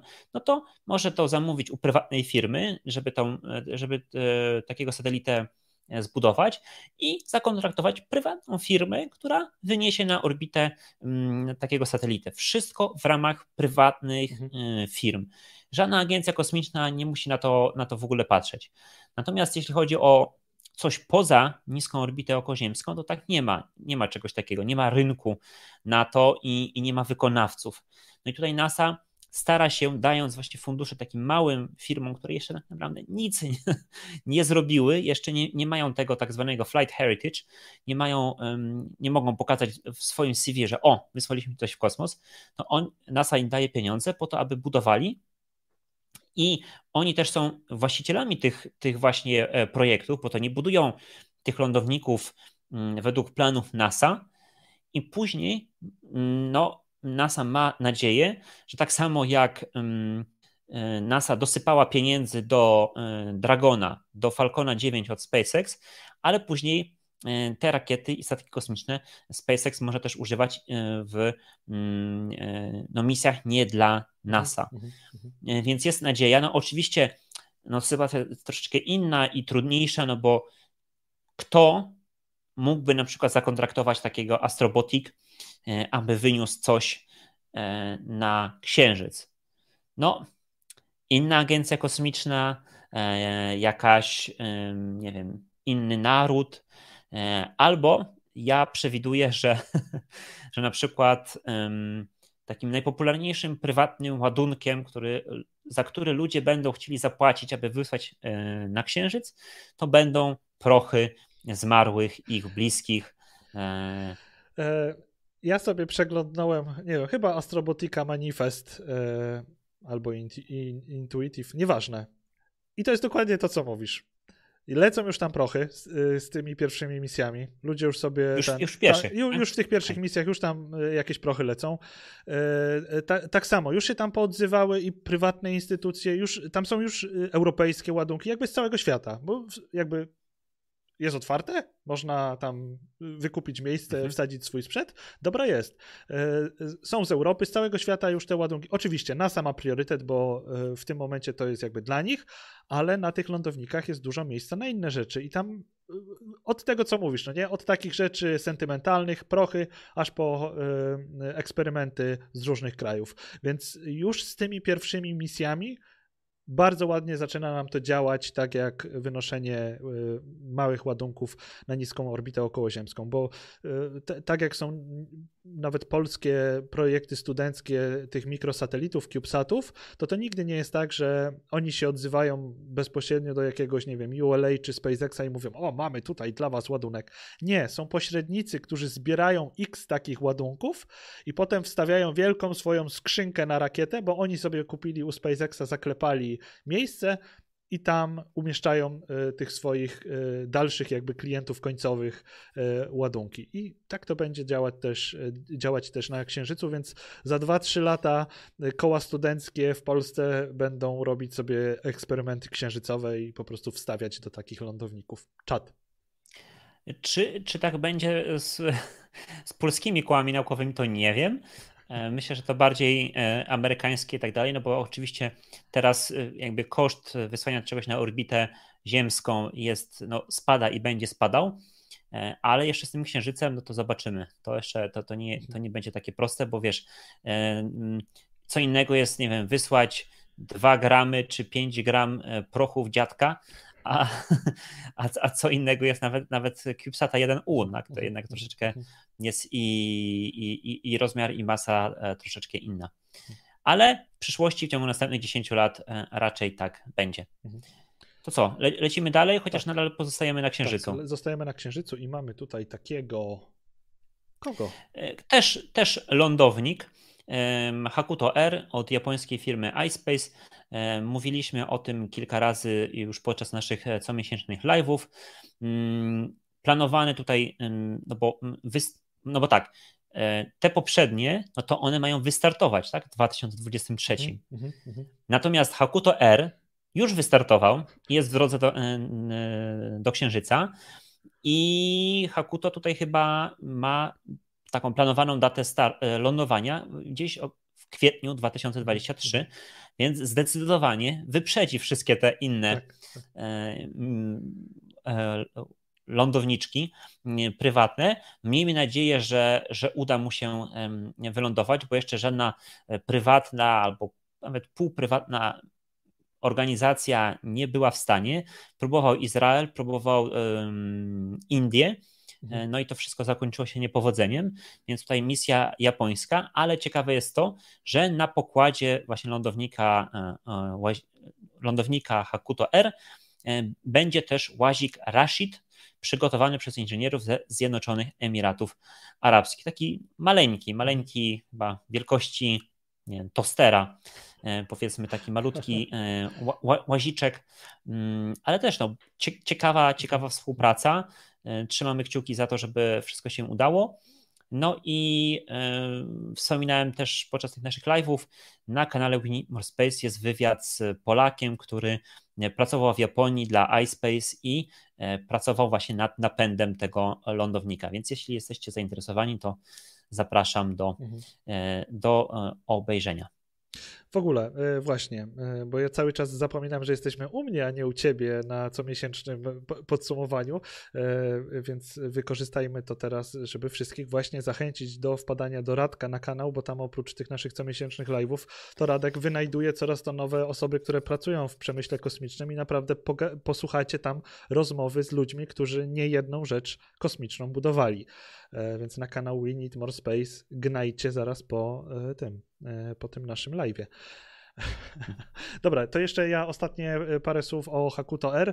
E, tutaj też e, iSpace, tak się nazywa ta firma, sprytnie poczynili, bo to jest oczywiście tam prywatna japońska firma, ale wiedzą, gdzie są pieniądze, bo pieniądze są w Stanach i jest ten program Commercial Lunar Payload Services, o którym przed chwilą właśnie rozmawialiśmy. I iSpace zrobił taką sprytną rzecz, że dogadał się z firmą Draper, amerykańską firmą, która może nie jest tak po jakby ogólnie znana, ale jeżeli chodzi o programy takie księżycowe, to oni sięgają aż Apollo.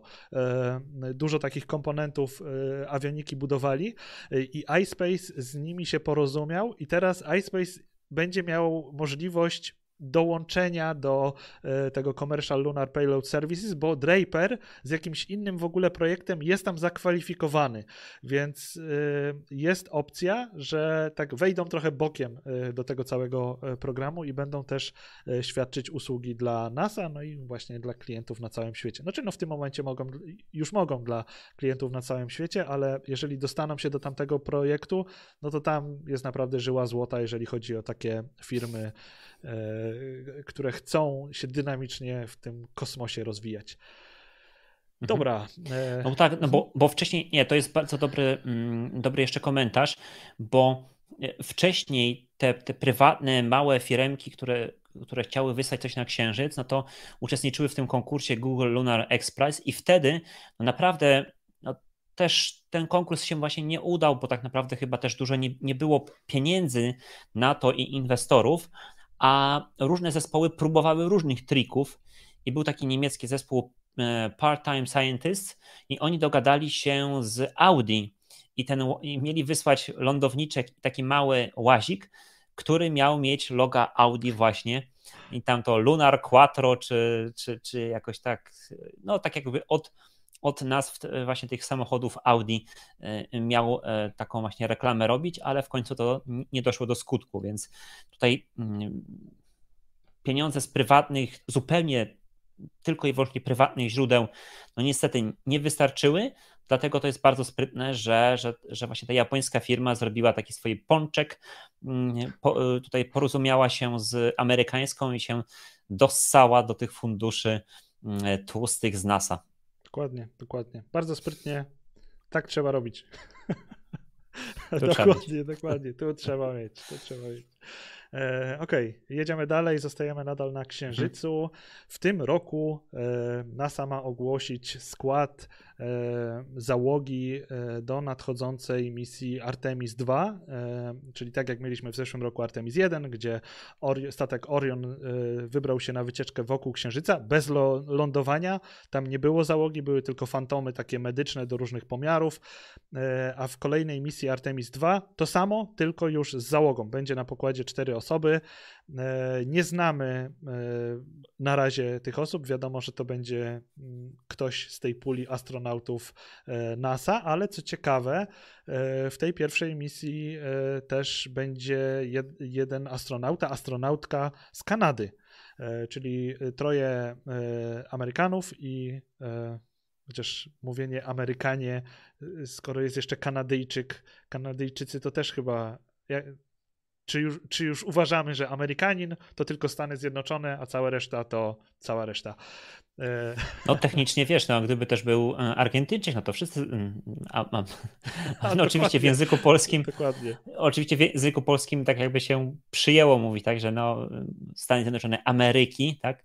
Więc mówimy Amerykanie tylko na obywateli USA, ale jakby gdybyśmy chcieli wyrazić jednym słowem, e, że ktoś jest z kontynentu Ameryka, Ameryki czy Południowej, czy Północnej, teoretycznie, chociaż pewnie tutaj puryści językowi by się nie zgodzili z tym stwierdzeniem, e, no to wtedy Amerykanie.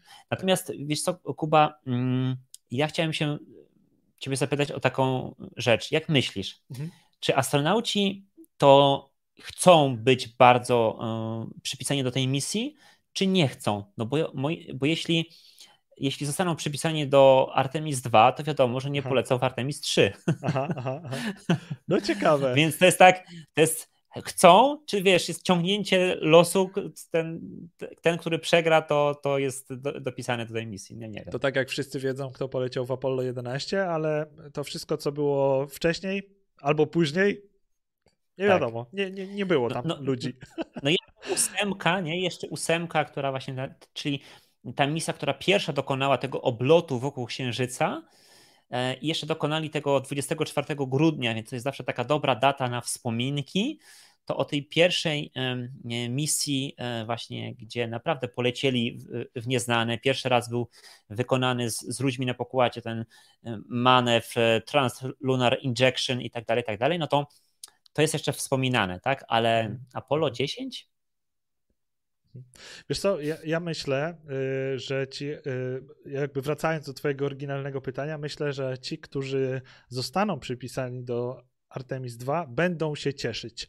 I my, myślę, że każdy bardzo chętnie tam y, chciałby w tej misji uczestniczyć z tego powodu, że w tym momencie dalej bardzo tym newralgicznym elementem całego programu Artemis jest lądownik księżycowy i ja nadal nie jestem przekonany, że to się powiedzie.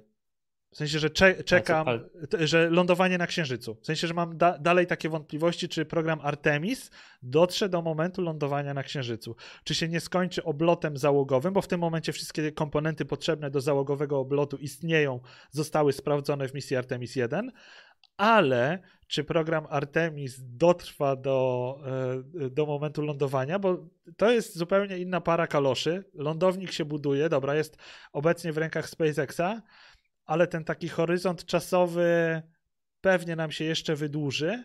E, I misja Artemis 2 jest tam najwcześniej jakby 2024, ale może być w 2025.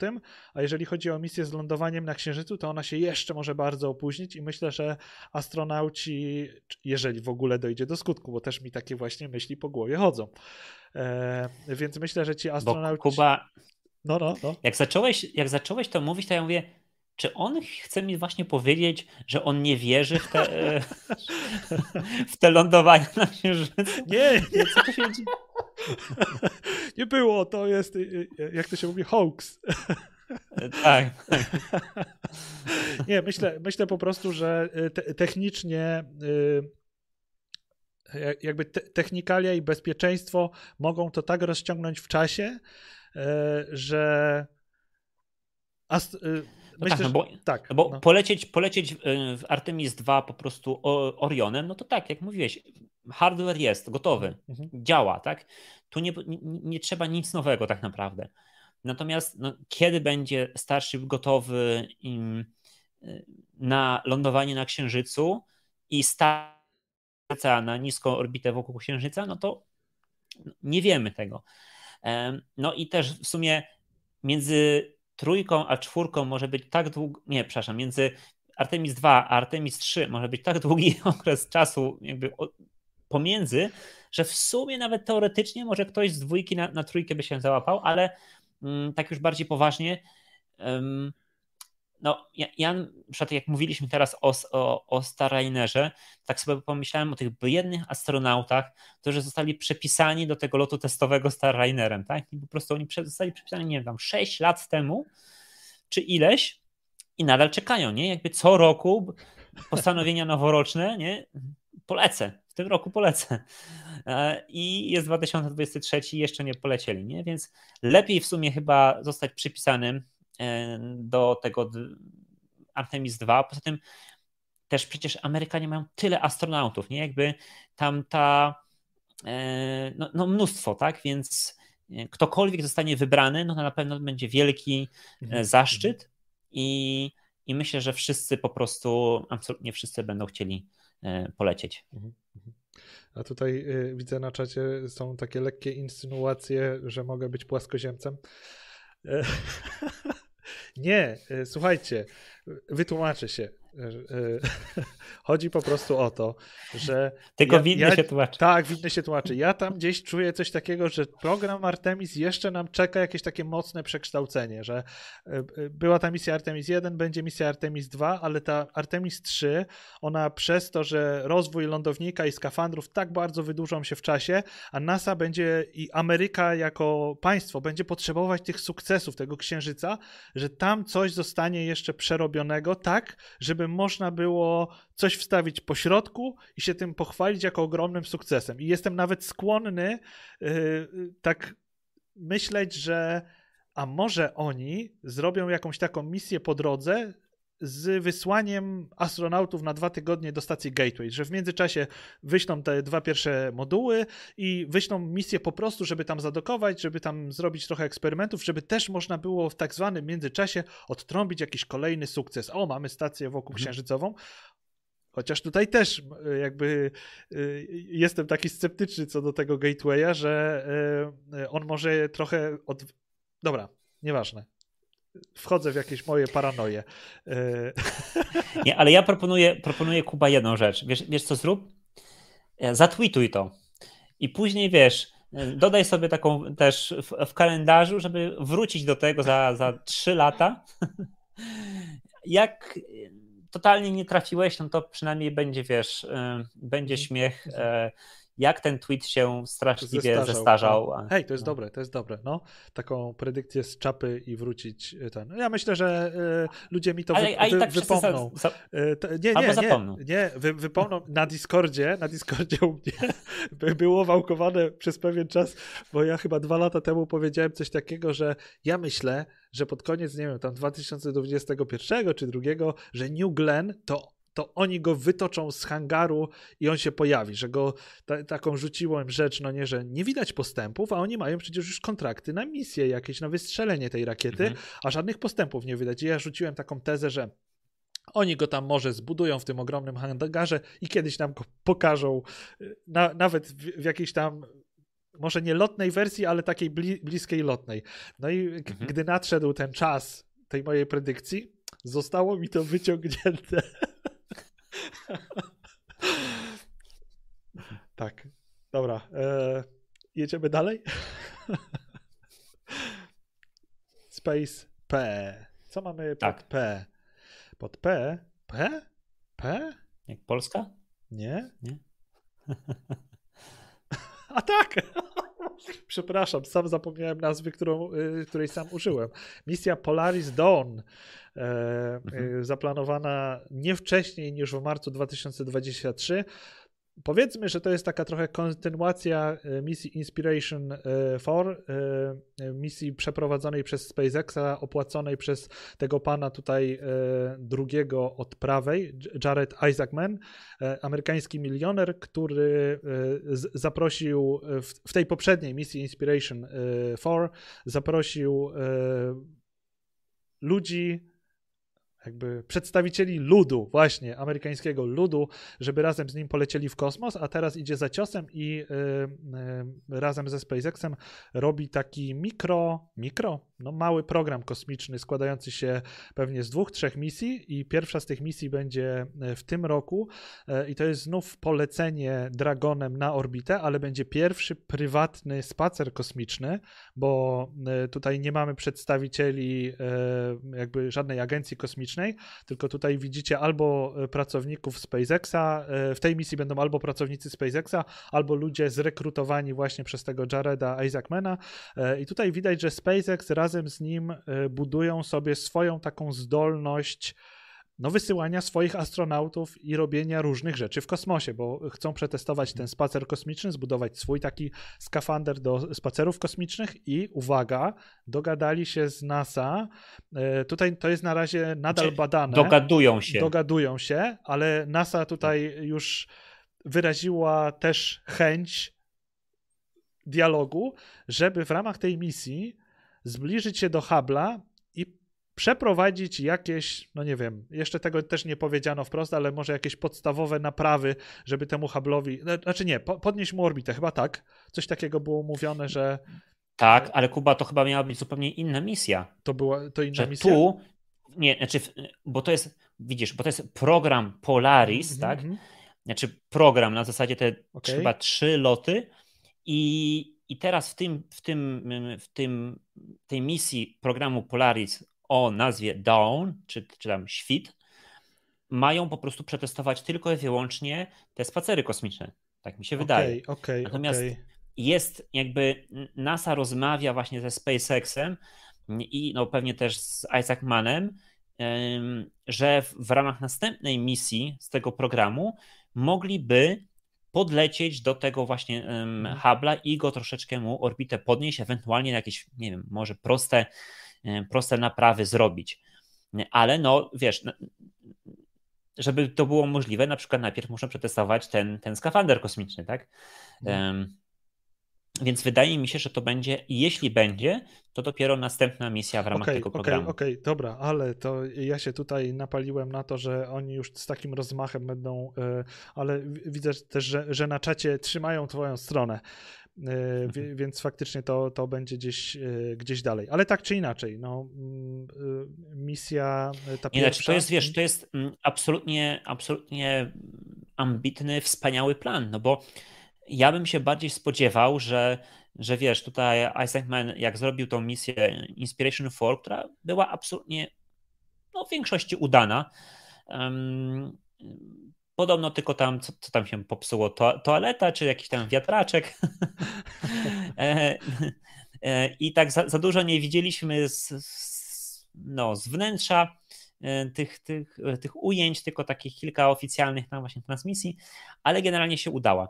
Mhm. Więc raczej moglibyśmy się spodziewać, ej, no to po prostu teraz ten, ten Dragon będzie latał w kolejne takie misje totalnie, totalnie turystyczne. Mm, tak jak Axiom robi, firma Axiom Space y, wynajmuje Dragona, żeby polecieć na stację kosmiczną. Natomiast tu ten program Polaris y, Isaacmana jest bardzo taki ambitny, naukowy, tak? Inżynieryjny. Mhm. Więc tutaj jestem tym naprawdę bardzo e, pozytywnie zaskoczony i trzymam kciuki, żeby to się udawało i żeby kolejne ciekawe misje były tutaj e, przeprowadzane. Mhm. Właśnie e, tutaj e, T800 nam napisał na czacie, że ratowanie Habla to chyba na razie faza oceny wykonalności tego projektu. Tak, dokładnie. Tak. E, jakby to mhm. nie jest przesądzone, w tym momencie NASA razem ze SpaceXem rozkminiają wykonalność tego, tylko ja zbyt entuzjastycznie uznałem, że pośpieszą się tak, i, tak i, i zrobią to już przy tej pierwszej misji. Okej, okay, okej, okay. dobra, dobra, czyli tak. I co? E, I tym akcentem na literkę P główna lista naszych rzeczy planowanych na 2023 e, się zakończyła. E, Przepraszam, ale zobaczyłem, zobaczyłem komentarz T800, który mówi, że to Howard Wolowitz projektował toaletę. Howard Wolowitz to jest postać z serialu The Big Bang Theory który serial to uwielbiam i, i który w serialu poleciał na stację kosmiczną. Więc tak, tak, jeśli by Howard projektował, to pewnie właśnie byłyby z nią problemy. W serialu właśnie astronauci, tam kosmonauci mieli problemy, bo chyba nie wziął pod uwagę diety wysokokartoflanej e, astronautów, e, znaczy kosmonautów rosyjskich, tam były jakieś, jakieś problemy. No ale oczywiście to jest amerykański sitcom, musi być śmiesznie, to jest absolutnie taki totalny, totalny, jak to się mówi, off-topic. Mhm, mhm. Ja jeszcze muszę jedną rzecz tutaj wrzucić, bo Paweł Ciećko napisał na czacie coś, co myślę, że warto. Tak, to jest ważne. Tak, to jest ważne. To jest ważne. W 2023 na literkę K wychodzi Kerbal Space Program 2, co jest. To, to jest gra, w której wcielamy się, no nie wiem, w twórcę własnego programu kosmicznego, zarządzamy takimi mhm. małymi ludzikami, kerbalami na chciałem powiedzieć naszej własnej planecie. Nie, no na takiej planecie, która ma udawać e, Ziemię. Mhm. E, i co? I możemy budować rakiety, stacje kosmiczne, lądować na innych ciałach niebieskich tego małego układu słonecznego. E, I najlepsze w, te, w tym Kerbal Space Program jest to, że bardzo dobrze oddaje prawdziwą mechanikę orbitalną, mm. czyli tego, jak e, te statki kosmiczne się wystrzeliwuje, rakiety, jak się zmienia orbity i tak dalej. Więc no, ten Kerbal Space Program to jest naprawdę sztosowa gra, sztosowy symulator. Jeżeli ktoś lubi tego typu klimaty kosmiczne, kosmiczne, e, mhm. rakiety, statki, e, stacje. Kuba, Kuba szkoda, szkoda, że e, my na razie jeszcze wiesz, bo przypomniało mi się, a propos tutaj premiery Kerbala 2, że kiedyś, jak była premiera chyba StarCrafta dwójki, chyba tak, to właśnie jakaś firma, kosmi- nie, nie kosmiczna, jakaś firma, no nie wiem, jakiś software house, który robił jakieś, a może to był jakiś startup, który robił coś, ogłosił, że ze względu na premierę przekładają premierę swojego tego produktu, nie wiem, tam o tydzień, czy dwa, czy o miesiąc, bo jak wyjdzie StarCraft 2, to oni będą grać po prostu. Więc szkoda, szkoda Kuba, że my nie dotarliśmy się do takiego e, no, momentu w, w, naszym życiu i ro, rozwoju kariery, że możemy sobie powiedzieć w pracy, a dobra, to sorry, ale przez miesiąc mnie nie będzie, bo muszę trochę pograć, ale wtedy byśmy e, e, no, rzucili się na grę, zaczęli, zaczęli grać, streamować, gadać i jakby codziennie live o, o nowych przygodach. E, ja jak pracowałem parę lat temu w takiej krakowskiej firmie, znaczy ogólnopolskiej, Astor się nazywa, ja pracowałem w, tym, w tej centrali w Krakowie, to tam właśnie ci pracownicy, którzy no już ileś lat tam jakby od dawna, od założenia tej firmy, powiedzmy, pra, pracowali, to opowiadali, że e, dawniej, no to oni mieli dostęp w firmie do takich komputerów konkretnych, co normalny zjadacz chleba nie miał takiego komputera w domu, więc e, tam normalnie pracownicy, zarząd po godzinach ciupali nocami e, na tych, na tych, na tych kompach. No bo jak mieli dostęp do czegoś takiego, to czemu nie? Tak. E...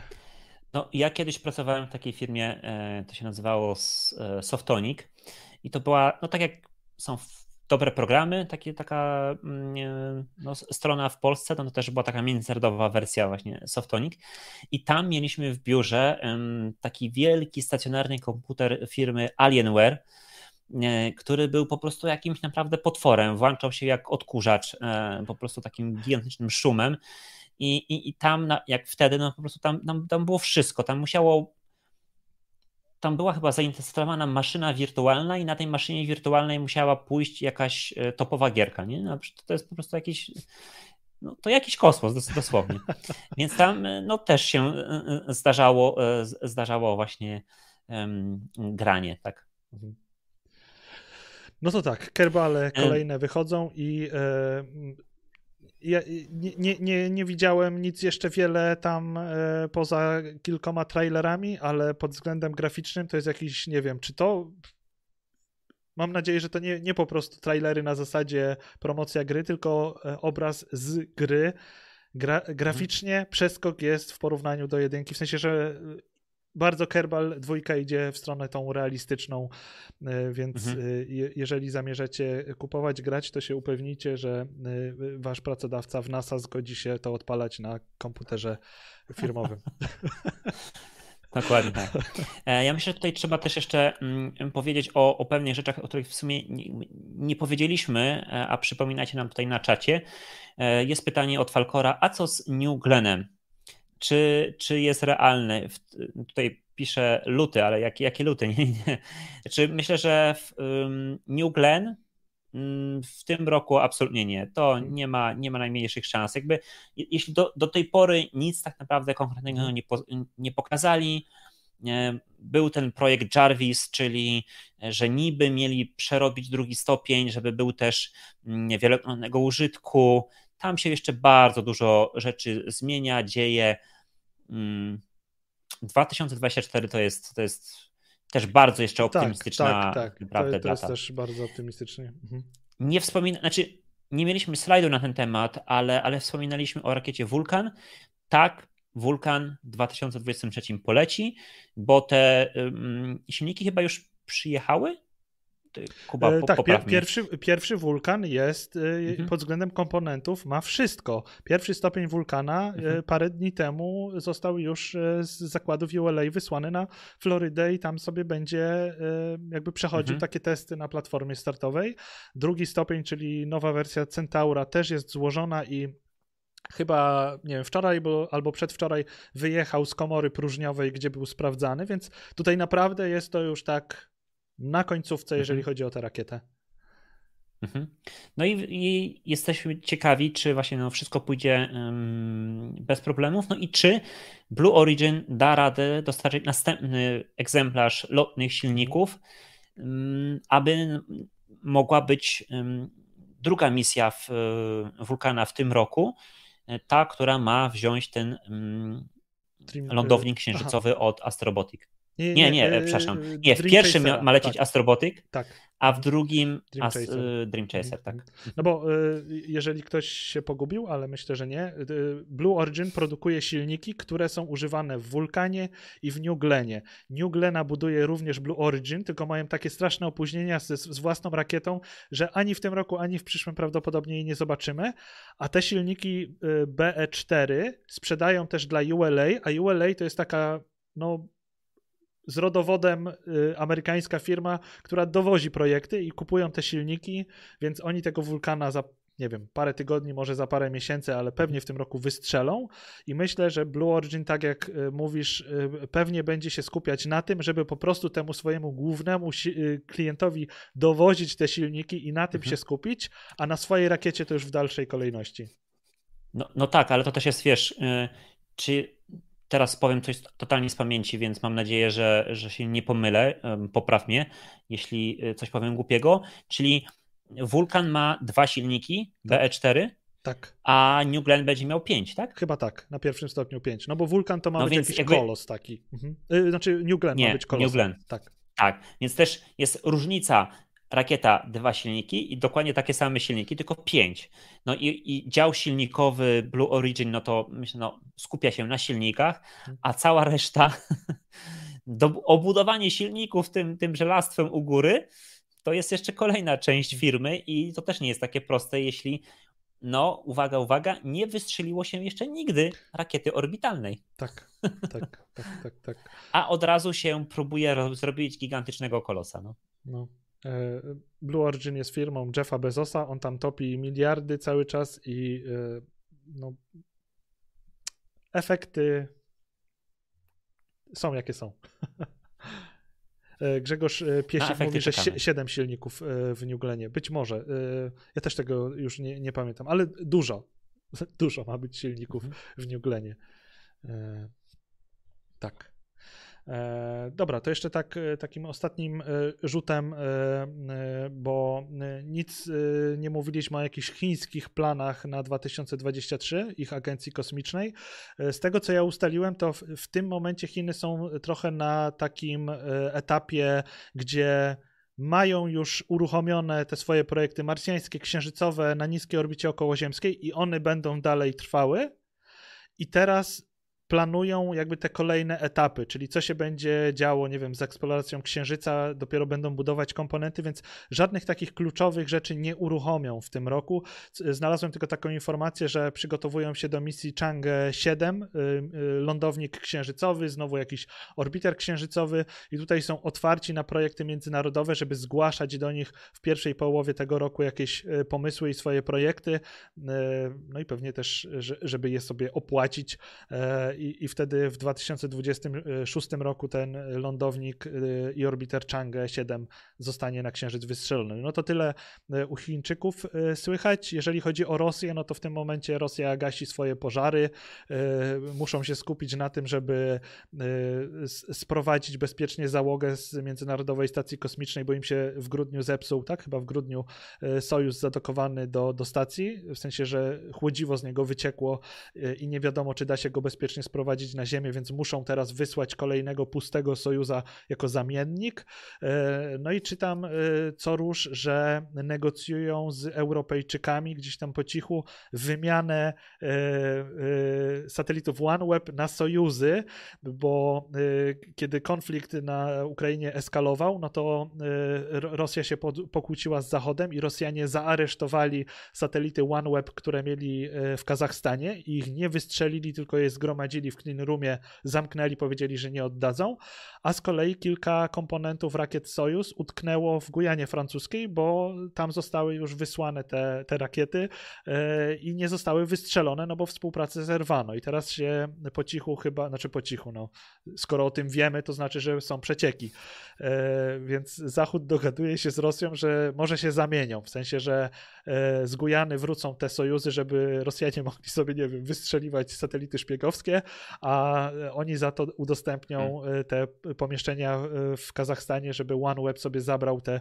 swoje chyba 36 satelitów E, logistycznie mega trudna rzecz, e, bo o ile te OneWeby, to e, one tam mają te swoje no, kontenery transportowe, więc tam praktycznie wystarczy, że wyląduje samolot i, i to po prostu zabierze, a zabranie z powrotem Sojuzów z Gujany Francuskiej to może być wyzwanie, bo to trzeba wysłać po to no, statek, no i... ekipę.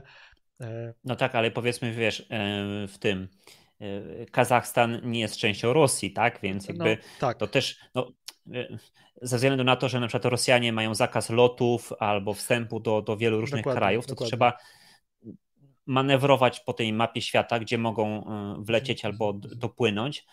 Mm. No, Gujana Francuska to Nie jest terytorium zobaczymy. Francji, e, Unia Europejska i tak. żeby zgarnąć stamtąd sojuzy, to nie jest tak, że ktoś bierze wózek widłowy i po prostu wsadza na statek, tylko trzeba tam masę inżynierów wysłać, żeby mhm. te rakiety i te komponenty przenieść no tak, ale też właśnie muszą dostać jakieś chyba specjalne tak, pozwolenie, tak, no nie tak, wiem, tak, jakieś... Tak, tak, tak, no. Mhm. Zobaczymy. Zobaczymy.